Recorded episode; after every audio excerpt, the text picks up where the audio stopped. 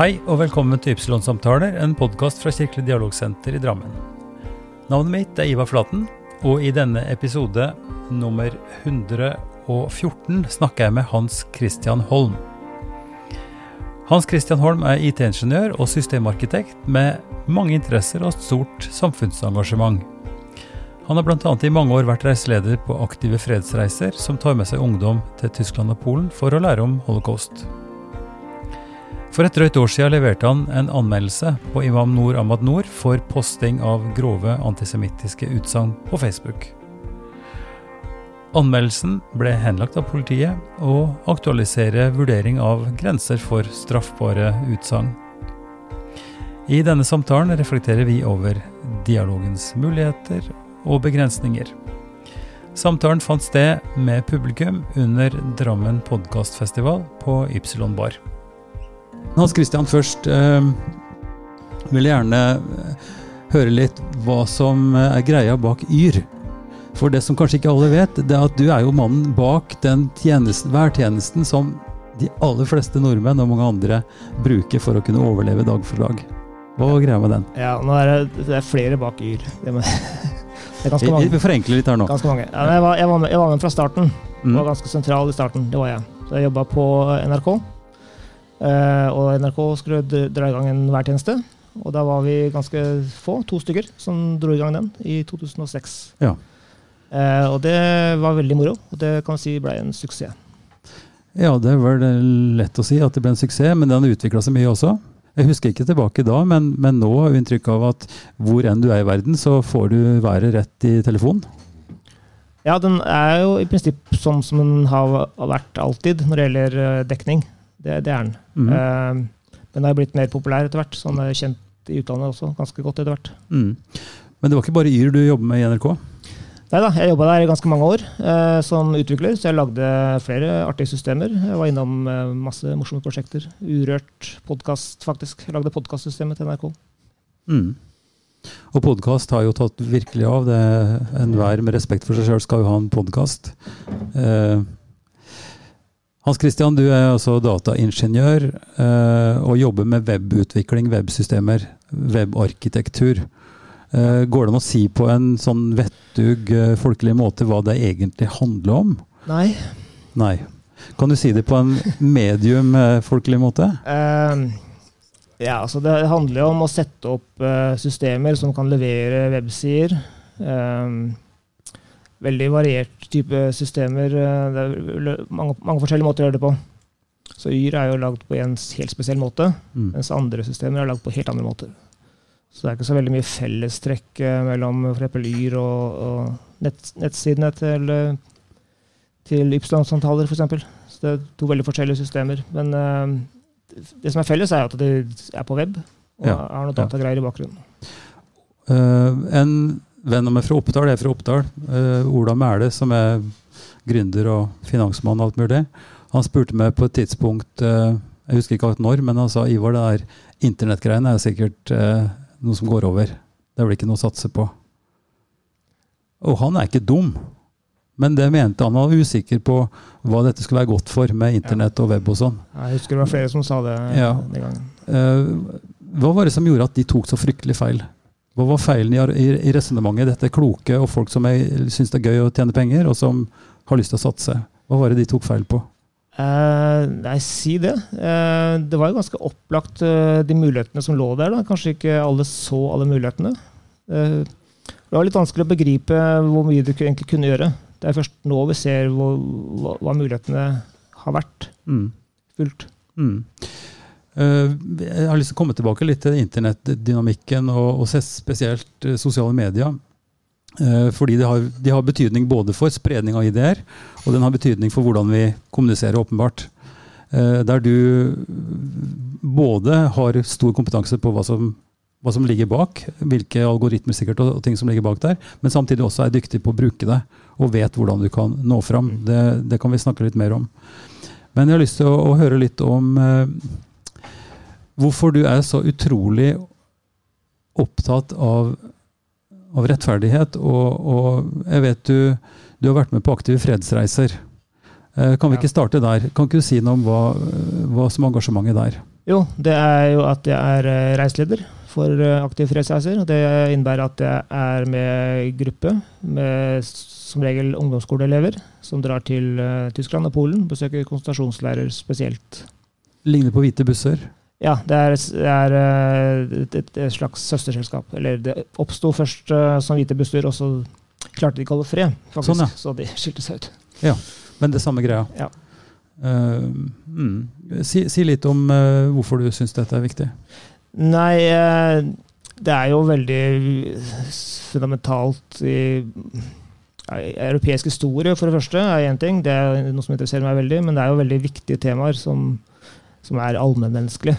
Mm. Og som er veldig viktig for å forstå hvordan folk fungerer da, hvordan samfunnet fungerer, og hva som er riktig og feil her i verden. Jeg for min del fikk ikke være med på sånn uh, reise. Det var for uh, Av en eller annen grunn. Uh, kanskje det var ikke til stede. I, Begynte på 90-tallet. Ja, da var du ferdig på skolen, tror jeg. Men flere av barna mine har vært med på det. Hva opplever du i, i disse bussene under disse turene med ungdom? Ja, det er vel litt variabelt hva de sitter igjen med, de unge. Men jeg håper jo at de husker det her, da. kanskje når det blir større spesielt, da, at de, de, får litt perspektiv på det. For det er, det er, vanskelig når det er 15 år å ta inn over seg alt det her. Det blir, det blir kanskje litt for stort.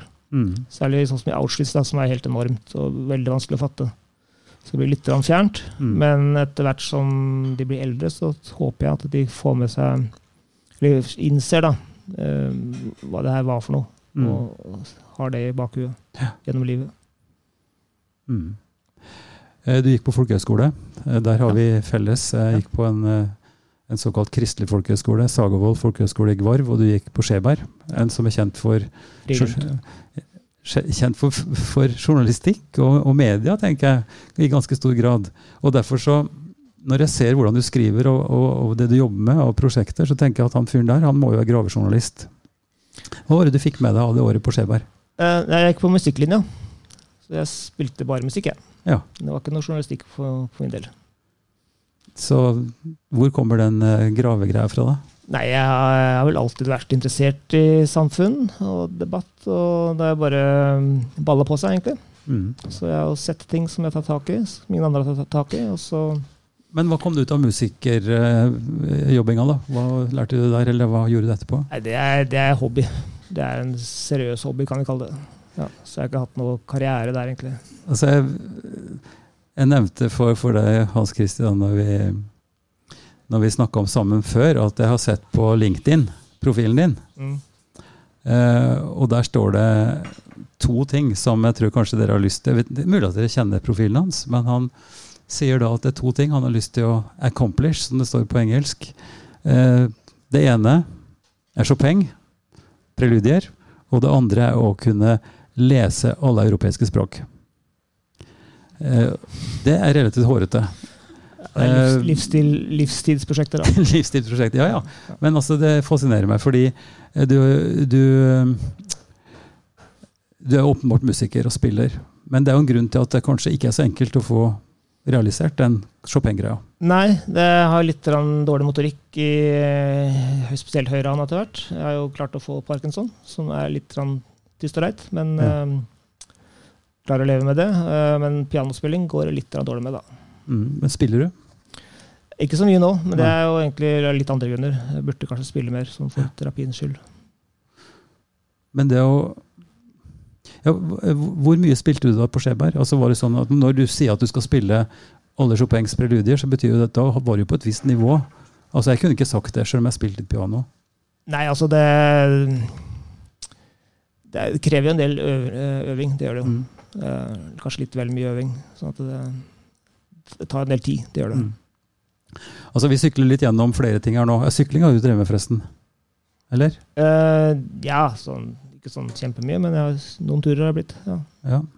Nei, bare sånn oss imellom så jeg, hadde jeg rekorden på Trondheim-Oslo på ja. sykkel. Ja, det er noen av de få tingene jeg kan stryte av. Oi, men, oi, eh, oi.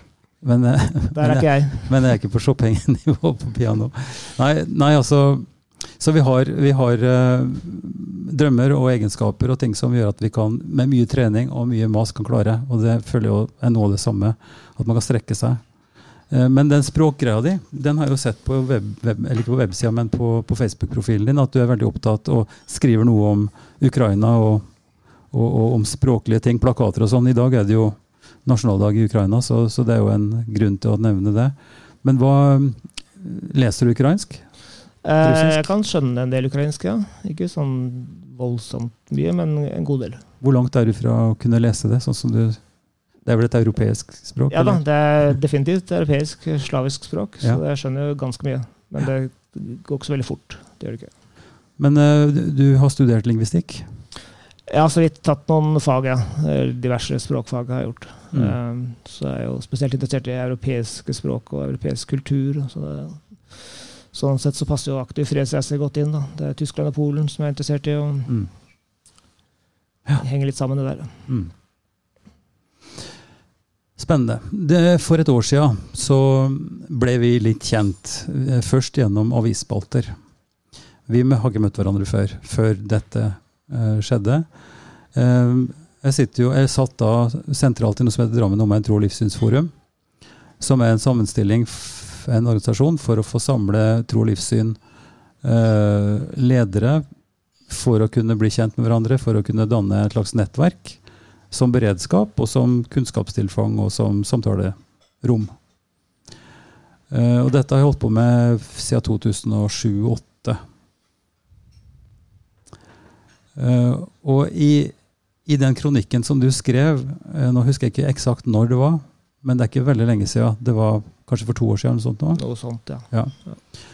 Så så skrev du uh, noe som traff meg ganske hardt. Jeg, ble, jeg ikke si jeg ble irritert, men jeg syns at det var, det var både tankevekkende og jeg måtte sette meg til å tenke, for du skrev at vi var naive.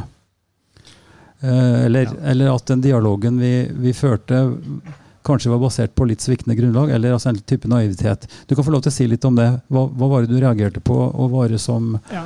som grunnen til at du skrev dette? Jeg kan dette? jo være litt skarp iblant når jeg skriver. Det kan jeg jo. Ja. Um, Nei, det, det, Naiv er jo Ja, det er litt dekkende, er det jo. Eh, det handler om at eh, det er kanskje ikke alt som blir tatt tak i. Eh, og som kanskje er litt ubehagelig å ta tak i. da, At en tror kanskje det er bedre enn det er.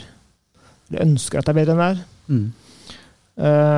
og derfor ikke vil ta tak i det. At det er, ligger noe ligger noe der. Altså. Det, er, det er et ganske interessant tema der. Det, det, er noe jeg ser ganske mye av nå. Altså, det er ting som, som uh, mange har berøringsangst overfor. Mm. Har sett mye av. Kan du ikke utvikle det litt mer? Si litt mer om det. Det handler jo uh, det handler mye om spesielt innvandrere. da. Uh, islam, selvfølgelig. Uh, hvordan mange er redd for å ta tak i det. Det kan være mange grunner til det. det er for det første så er det jo uh, assosiasjoner til rasisme. Det er mange som er engstelige for å bli satt i bås med rasister, og det er jo, det er jo en uh, reell fare. Altså det fins jo rasister der ute, definitivt. Mm. Så det har vært vanskelig terreng å navigere i. Så er, jeg skjønner at mange er litt engstelige for det.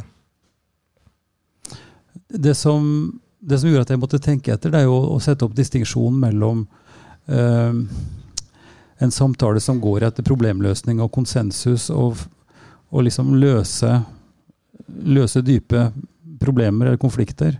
Det andre er jo å holde en, en, relasjon i gang, altså for å kunne være i stand til å snakke med hverandre og møtes, sjøl om en da er prinsipielt uenig og kanskje vet om både det ene og det andre.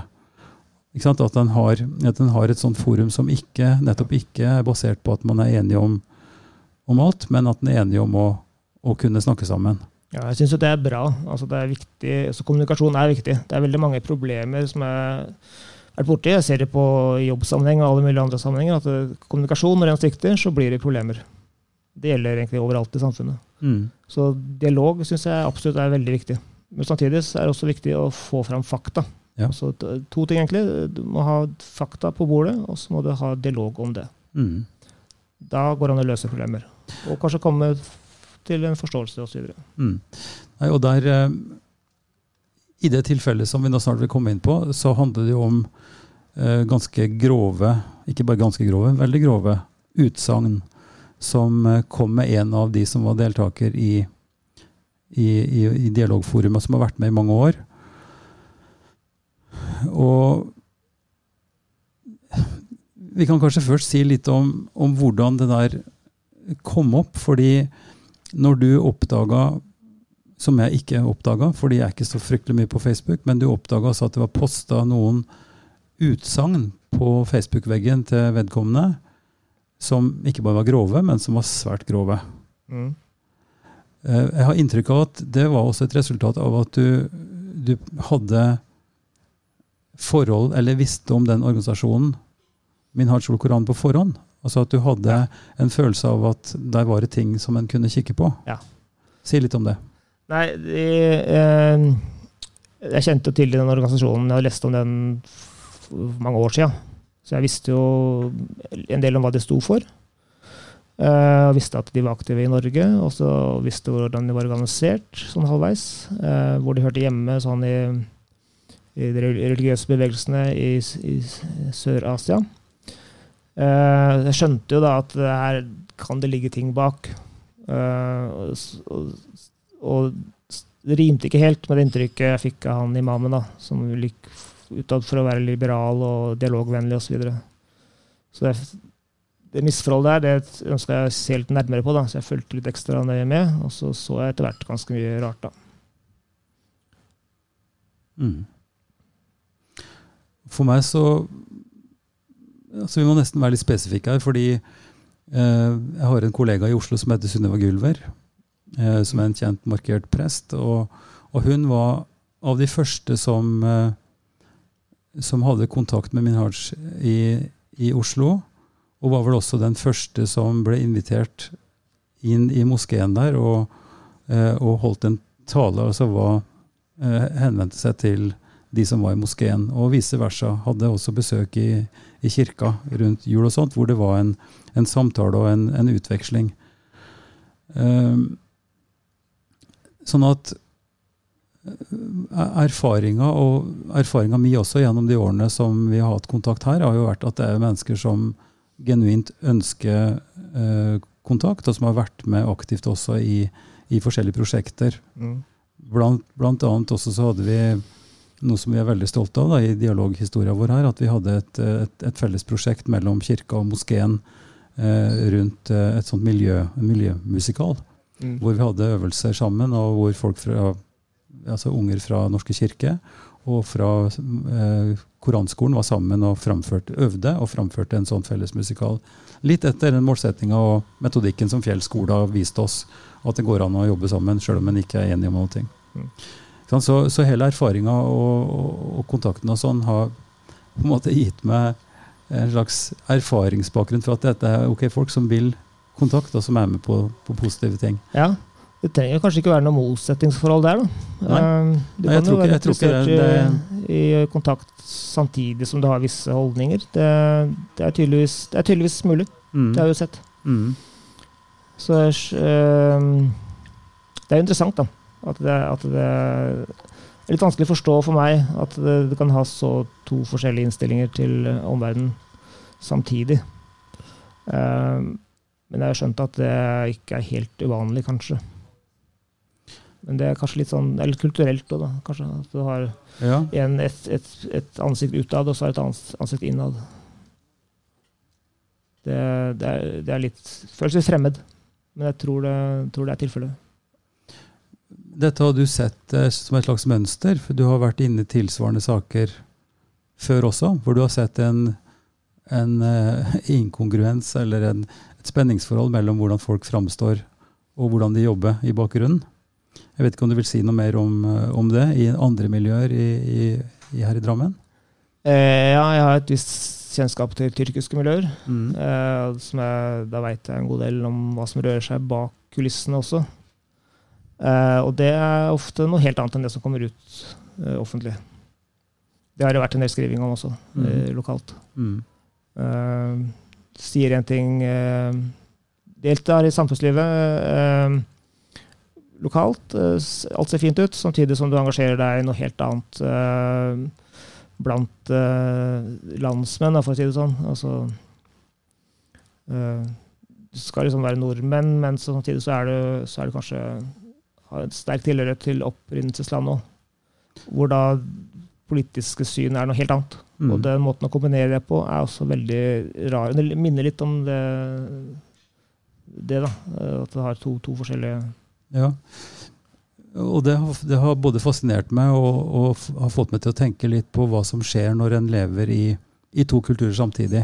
For det er mange av de som har bodd ei kortere eller lengre tid i Norge, som så klart også har forankring på et helt annet sted i verden, og har en annen både tilknytning med familie og, og politikk og alt mulig sånt nå. Sånn at det tydeligvis er en Altså det er to forskjellige ting. At man, er, at man må oppføre seg på én, eller er på en måte én person i, i hjemlandet og står ja, og, altså, det, Det er en en, slags type, spagat. En slags kulturell og identitetsmessig kanskje spagat det kan ikke være lett for de det gjelder. Jeg skjønner ikke helt at de klarer det, men eh, det er tydeligvis mulig. Ja, altså jeg har, um, jeg, har en, et forsøk på å forstå hvordan det er. Jeg har, det er jo noen andre eksempler som er kanskje ferskere etter kuppet i Tyrkia. Forholdet mellom Gulen-bevegelsen og, og regimet, som vi også ser eh, speilbilder av her i, her i byen. Definitivt. Eh, med, med Dianet-moskeen, som er på en måte den offisielle, Ja. og, og Gulen-flyktningene, som kommer ganske, ganske mange gjennom asylinstituttet. Eh, og det kan jo heller ikke være lett. Eh, Sjøl om folk jeg, forestiller meg at det går an å ha, eh, ha et ganske åpent og vil gjerne bidra eh, i, i Norge, samtidig som en må være bevisst hva en sier, også fordi at det gir ekko hjemme. Skjønner du? Altså at det er en, at det er en sånn dobbel, Ja. dobbel uh, sak som, som ikke er så enkel å på en måte verken avskrive eller kanskje finne ut av. Nei, du, men du ser jo du ser blant nordmenn i Spania også at uh, de engasjerer seg i norsk politikk. De bor i Spania, og så lever de som, som nordmenn. Mm. Og engasjerer seg i polit- partipolitikk. Det er- Frp har vel noe lokallag i Spania, har de ikke det? Jo, jo visst. Jo. det er litt rart. Altså, Hvorfor skal du engasjere deg i det når du bor i Spania? Hvis du bor der halve året og resten Jo, hvis du bor der hele året, da. Ja. Nei, men altså det, det er jo et interessant eksempel, fordi det viser at det faktisk eh, sånn erfaringsmessig eller beviselig fungerer sånn for ganske mange. Mm. At man har en forankring og en, et rotfeste ett sted, Mm. eh, og samtidig lever store deler av året, eller Ja. kanskje mesteparten et, et annet. Ja. Og at, at det er sånn. Det er kanskje vanligere hvis det er veldig stor forskjell på de kulturene. Den opprinnelseskulen og den du, den du bor i. Hvis du er fra Sverige eller Frankrike, så er det kanskje ikke så stort. øh, eller så vanlig fenomen. For da blir det mer likt, likt, likt opprinnelseskulturen, og det er lettere å skli inn 100 kanskje. Ja. Jeg vet ikke. Ja, altså, det som jeg har hørt, og når jeg har snakka med folk eh, bare fra Danmark, eller, eller eh, jeg vet ikke Sverige, men Danmark i hvert fall, altså fått, eh, fått et inntrykk av at eh, det å komme til Norge fra Danmark er også en ganske stor kulturforskjell, sjøl om den så klart ikke er så stor som, som hvis du kommer fra, fra Øst-Asia. Ja, det skal ikke lenger til Sverige også, så er, så er det samme der. det er, det, er, det er likt, veldig likt, men så er alt litt forskjellig. Men poenget, poenget er jo, når vi snakker om dette, så skal vi ikke nivellere det. Vi skal ikke gjøre det mindre enn det er, men at det er et fenomen der som består i at man har Mm. forskjellige forankringer og, og tenk, kan tenke og si og gjøre ting eh, på ett sted som en ikke kan på et annet.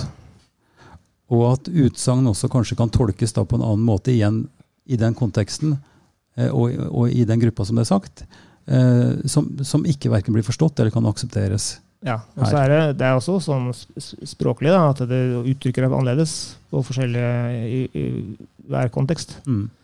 At eh, ord kan låte hardere i den ene enn i den andre, f.eks. Det er kanskje, kanskje verdt å ta med seg i det dialogarbeidet. At det er altså, viktig for int- integrasjon å forstå at det er forskjell på kulturene. At, Ja, og det, det tror jeg nok helt sikkert eh, det er mange av oss som er bevisst på, men, eh, men spørsmålet er jo hvor dypt en går i, i det, og hvor gravende eller hvor mye en går bak kulissene, eh, når mye av arbeidet handler om at en rett og slett skaper relasjoner og prøver å, å ha et, en kontakt på et, skal vi si, et, et dagligdags nivå. Da. ja, det å drive og grave, det er jo ja, det, det krever en viss interesse og det tar litt tid. Du skal vite hva du gjør, du skal ha en viss bakgrunn. Uh, vite hva du skal leite etter. Mm. en ting. Så det er, det er, jeg skjønner, jeg skjønner det, er, det er ikke lett for andre nødvendigvis å gjøre sånt. Hvis du ikke har noe som helst formening om at det i hele tatt kan være noe sånt der. Spørsmålet er jo hva slags roller en har. da. Altså om, om en kan kreve, eller om det, om det er et legitimt krav at en skal kunne eh, drive bakgrunnssjekk på en måte, eller, eller ha den type beredskap eh, i et skal vi si, et sånn dagligdags og et, et, skal vi si, et, et dialogfellesskap, sånn som vi har det her. Men du har jo, du har jo da vist på den harde måten at, at, her går det an å Ikke bare går an, men det, det fins utsagn som er så grove at det ikke kan aksepteres. Ja. Jeg gikk jo brutalt til verks, det gjorde jeg jo. Det var ikke noe dialog eh, der. Akkurat. Ja, men altså det, det, som var poenget ditt da, med, den, med det, den kronikken, bare for å runde av den, Eh, hvis du skal skjære den etter beinet, hva, hva syns du du oppnådde med det, eller hva ble utkommet av det? Var mitt svar relevant der jeg prøvde å si noe om det som jeg nå har sagt? Um, jeg veit sånn ikke helt. Nei. Uh, Nei. Det, det, var ikke så mye mer å prate om der, kanskje. Det, jeg fikk sagt det jeg ville si, og du, jeg tror du skjønte det. Og så, så var det ikke så mye mer å si akkurat der og da, men det var jo den året etter. Det var det jo. Mm. Så uh, kom det utsagnet, og du uh, kjørte den prosessen med anmeldelse. Og det ga et skikkelig ekko.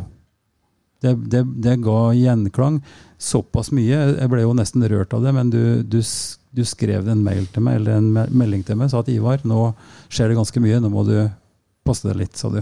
Mm. Det, det, opplevde jeg som, som veldig så omsorgsfullt og, og, og snilt. Eh, hvorfor, hvorfor skrev du det? Eh, jeg følte at du ikke hadde så veldig mye med saken å gjøre, egentlig. Men jeg så at du kom til å bli dratt inn. Eh, og prøvde å jeg var bevisst på å ikke dra inn de som ikke var relevante for saken. Mm. Det handla om én ting, og andre rundt skulle få lov å være i fred. Det mente jeg. Men sånn gikk det jo ikke naturligvis. Altså det, det, som du sier nå i etterkant, og som jeg legger merke til, det er at du opplevde at responsen i, i det store og hele var konstruktiv. Altså responsen på det du gjorde, den anmeldelsen, opplevde du som konstruktiv. Ja, Tilbakemeldingene til meg var veldig gode. Over, ja. Fra alle, alle parter, egentlig. Men vil du distingvere mellom det, tilbakemelding til deg, og det som ellers skjedde rundt? Ja, det var mye rart som skjedde rundt. Det var jo I kommentarfelt så var det mye drittkasting og sånt. Det var jo det. Men det, som gikk på min rolle, det var, det var, helt greit. Det var veldig fint, egentlig. Mm. Men jeg så jo det var jo mye, det var mye muslimhets osv. Det var jo det, Sånt dukket opp med en gang. Ja. Og du fikk jo kjørt deg også. Det så jeg jo. Og jeg skjønte vel at det kom til å skje. Og, og det er noe av eh, altså lærdommen min, eller det som jeg i etterkant har tenkt, at det er fryktelig ubehagelig å komme i en sånn eh, situasjon hvor du mer eller mindre, da, eh, forklarlig eller, eller, med større eller mindre grunn blir utsatt for en massiv negativ respons i kommentarfeltene. Mm. Eh, og i artikler. Og i eh, ting mellom linjene og antydninger osv. Og, så Um, og, og jeg, jeg, fikk ikke så fryktelig mye av det, men nok til at jeg ble prega av det. Og følte at sommeren ble dårlig. Mm. Uh, men ikke, ikke, ikke, nødvendigvis urettmessig, men altså følelsen av at det du sier og reflekterer rundt, blir framstilt ikke feil, men, men, dratt ut på en måte, eller tolka på en måte som får et løp uh, som verken er intendert eller, eller ment. Ja. Nei, det, det, er jo fryktelig mye søle i kommentarfelt. Det er jo det. Eh, så en skal være litt forsiktig der, men eh, ikke, Det hadde jo vært fint å slippe, slippe å se det, eh, men det, det, jo, det går jo ikke. Det er, det er, jo der. Det syns jo hele tida. Straks du legger ut noe, så kommer en eller annen kjip melding.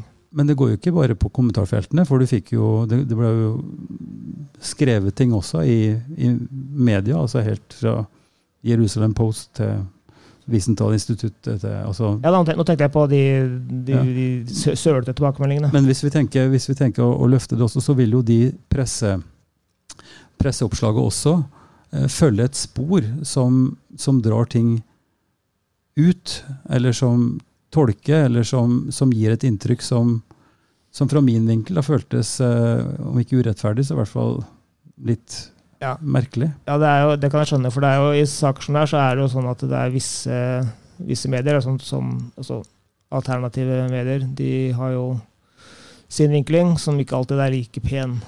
Uh, drar kanskje litt ut, sånn som du sier, da. Mm. Og det er, det er synd. Og det ødelegger også for debatten. Og nå er det mulig at jeg, at jeg er urettferdig overfor for presse, og sånn, men, men, opplevelsen min og jeg, jeg, er jo ikke helt ukjent med å, å snakke med aviser og sånt, og, og, og bruke det jo. Jeg syns jo det er fint å få oppmerksomhet rundt prosjekter og sånn, eh, og har opplevd at det er bra. Men i sånne situasjoner som, som blir på en måte konfliktfylte, eller hvor det, hvor det blir spenninger, så opplever jeg også at aviser, aktverdige, gode mediehus også, fører til at, at sakene blir mer spissformulert og drar ut i en retning som en ikke skulle ønske ikke var der. Altså igjen vinkling, vektlegging, overskrifter, ja, så videre. Ja, det varierer veldig fra avis til avis. Det var veldig stor forskjell på åssen avisene og andre medier gikk fram her. Veld, mm. veldig variabelt. Både ja. i mengde og i stil. Men du har samla opp, så du har eh, nesten en sånn, eh, en sånn liste? Ja, 130 artikler tror jeg det ble til sammen. Hvis ikke enda mer. Mm. Eh, veldig mye forskjellig, men også veldig mye bra. Ja. Går eh, sosiale medias eh, kommentarfelt inn på deg? Nei, det gjør det ikke. Jeg, jeg, jeg har ikke blitt utsatt for noe, så det er vel kanskje hovedgrunnen til at det ikke går inn på meg. Nei, øh, Som jeg er inne på, så, så, fikk jeg en del av det. Og jeg har ikke massivt, ikke fryktelig mye, men sånn at jeg ikke orka det. Altså, Jeg ville ikke lese det. Jeg bare lot det ja, være. Det kan jeg skjønne. Uh, men når jeg da tenker på det vi ser og hører om eh, politikere, yngre folk, som, som markerer seg på en eller annen måte, hvor, hvor utrolig stri den stormen er. Så, ja. så, det er jo et eller annet, og da er vi kanskje litt tilbake til ditt, hoved, ditt hovedfag. skulle jeg si, Altså media eller, eller IT og, og, det som nå kommet opp på sosiale medier. Og det skjer en del ting der som, som også er drevet av algoritmene og av media, altså sosiale medier. Ja. Det er jo det er noe med at det blir så veldig direkte, samtidig som du, du har den derre du, du, har ikke den derre Hvis du er ansikt til ansikt med noen, så har du en del sperrer eh, mot hva, hva, du kan si. Men hvis du sitter ved tastaturet, så har du ikke de samme sperrene. Så det, er mer, det kommer fra, fra hjertet, for å si det sånn, dessverre. Mm. Uh, mye, mer, mye, mer, direkte og spontant, og da er det veldig mye rart som kommer ut. Mm. Jeg tror det er filosofen Einar Øvrenge som, som nettopp har skrevet en bok hvor han uh, syns, syns snakker veldig interessant om uh, om sosiale medier som en forlengelse av den sosiale kretsen du har av venner. Altså Når du sitter i et vennelag og, og, og, og skriver små meldinger, altså på en måte har et, et, litt intimt fellesskap hvor du kjenner folk. Mm.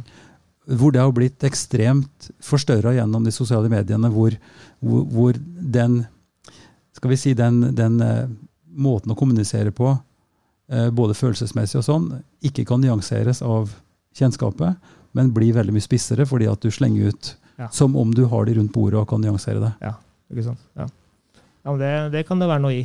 Helt sikkert. Uh, og, og, når dette blir en samværsform, eller blir noe som, som ja, både unge og, og eldre, og, og, særlig de som da markerer seg på en eller annen måte, får, så er det jo destruktivt. Går det an å gjøre noe med det? Nei, det, det var jo, Jeg leste jo tidligere i dag eh, om at NRK hadde hatt en eh, Uh, ungdomsredaksjonen hadde skrevet om uh, attentatet i Oslo, som var nå. Og da måtte de slette vanvittige mengder med kommentarer. Det var, gikk begge veier. Det var, det var rasistiske og det var homofobe kommentarer hele veien. Det var masse, masse de måtte slette. Og det er litt deprimerende. Um, så, så, jeg veit sannelig ikke hva jeg skal høre. Um, jeg har jo tenkt at uh, det jeg tenkte utgangspunktet, at, at uh, sosiale medier er en måte å, å, uttrykke seg på for folk som ikke har de samme mulighetene som andre. Altså, det er, jo, hvem som helst kan si noe. Det er ikke som du og jeg, som vi kan si noe, så kommer det i avisa. ikke sant? Uh, mens andre som ikke har de mulighetene, som ikke er like verbale, ikke like flinke til å formulere seg uh, saklig og undersøke grundig og sånt, de har også meninger og de kommer ut veldig lett da, gjennom sosiale medier. Og da blir det som det blir ofte. Så det er, det er en slags um, kanskje en måte, måte å uttrykke ja. hvis, hvis du er helt maktesløs, så kanskje du kan kompensere for det da, ved å skrive hardt på, i kommentarfelt. Og Det kan jeg forstå, og det kan du akseptere, men jeg syns det er vanskelig å akseptere at eh, algoritmene som disse store eh, eierne står bak, at de stimulerer og sprer sterkt emosjonelle postinger mer. Altså at de, de sprer seg naturligvis mer, og at det genereres mer trafikk, og at det dermed blir mer action. Altså, og, og, er det mulig å, å kunne regulere det på en måte, eller hva tenker du om det? Jeg, Jeg vet ikke hvordan du skulle gjøre det. Altså. Det, det er fryktelig vanskelig å, si, å svare på det. det jeg, jeg veit sannelig ikke. Det, det, det ser veldig vanskelig ut. Mm. Så løsningen er kanskje å leve med det og finne, finne en måte å leve med det på. Uh, takle det istedenfor å regulere det. Jeg, jeg, jeg tror ikke det går an å regulere. Nei, altså vi har, ikke, vi har en gjeng her som sikkert også bruker Facebook. Det er jo folk i min alder og oppover som, som bruker det mest. Men, men uh, hvordan bruker vi det? Er vi i stand til å bruke det fornuftig? Eller er, er det sånn som mange sier, at det er bare en liten gjeng med altså folk som da ikke har noe bedre å gjøre, og som blir en sånn troll, på en måte, som får mer oppmerksomhet? Eh, Gir vi dem for mye oppmerksomhet? Skal vi neglisjere det? Altså, jeg, jeg tror det er jo det er, det er noen som er mye mer populære på sosiale medier enn andre. Og det er de som behersker mediene. Altså de, de, alle de som slenger dritt, de blir ikke så veldig populære nødvendigvis. Men de er der. De er ganske Mm. mange, og de, de er stadig rundt og slenger dritt. Så de, de syns veldig godt, da. Mm. uten at det nødvendigvis er trendsettere osv. Mm. Når du går inn i sånne saker som den vi nå nettopp har snakka om i, i fjor sommer, og som nå har aktualisert seg igjen, hvorfor gjør du det? Det har jeg spurt meg sjøl om. Det er vel fordi jeg klarer ikke å la være Hvis jeg ser noe som er en urett som ingen tar tak i, og så veit jeg at jeg kan ta tak i det, så er det veldig vanskelig for meg å la være. Altså. Det, det er det. For da ville jeg fått dårlig samvittighet hvis ikke jeg gjorde det. For da hadde jeg sett at det kunne jeg gjort noe med. Det er ingen andre som gjorde noe. Eh, og ettersom jeg ikke gjorde noe, så, så har det ikke skjedd noe. Så da blir det, slags, det blir nesten min skyld da, hvis det ikke skjer noe. Og det du har gjort noe med nå, det er altså en antatt eh, antisemittisme eh, i, i bestemte miljøer, og nå i dette tilfellet i, i denne organisasjonen som du snakker om, hos den imamen. Mm.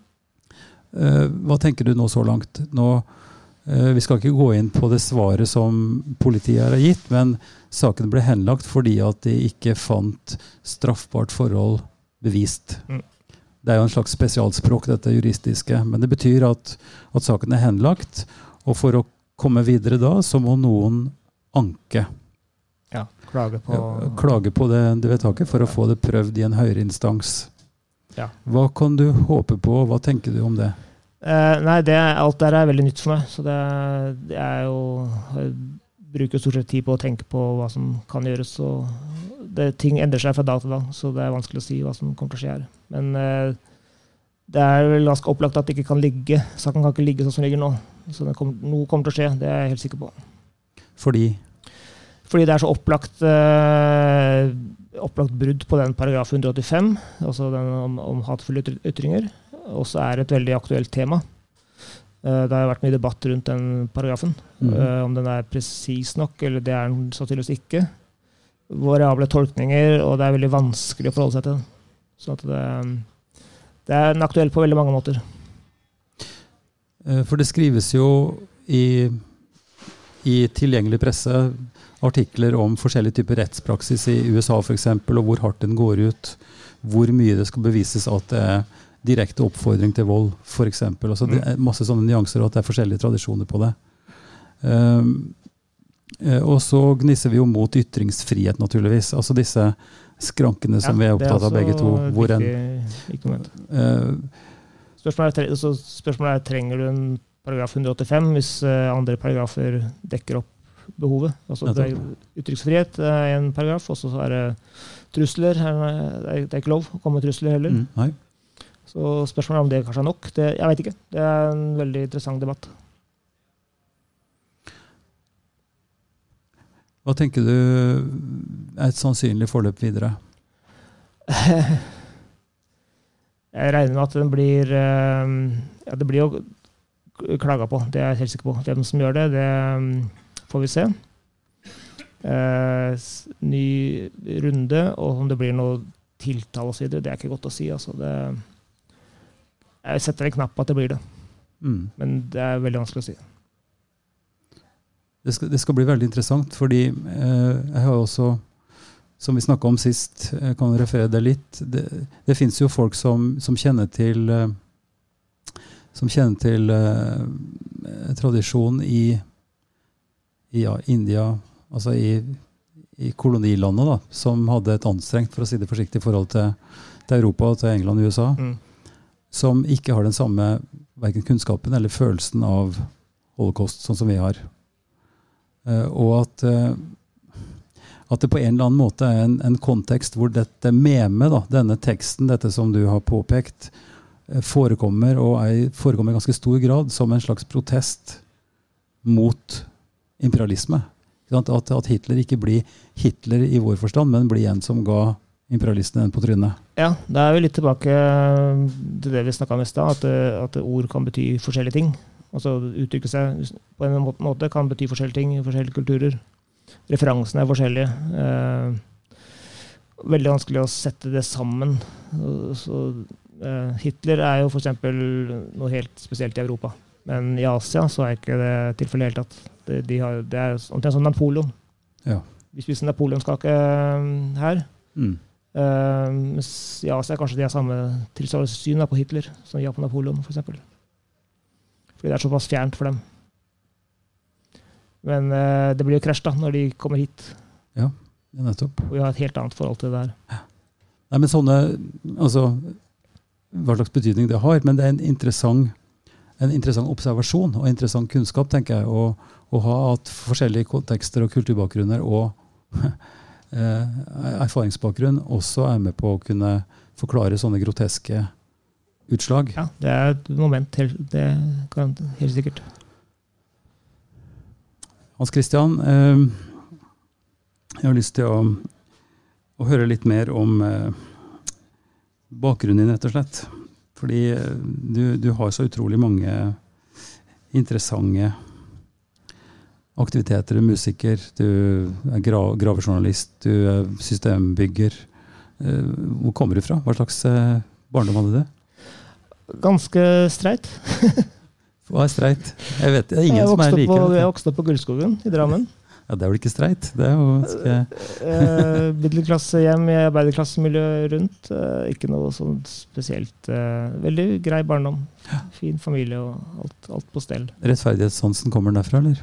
Mulig det gjør det, altså, men eh, eh, Det var ikke noen sånn utprega aktivistisk familie. Det har det ikke vært. Uh, det er nok jeg som skiller meg ut der.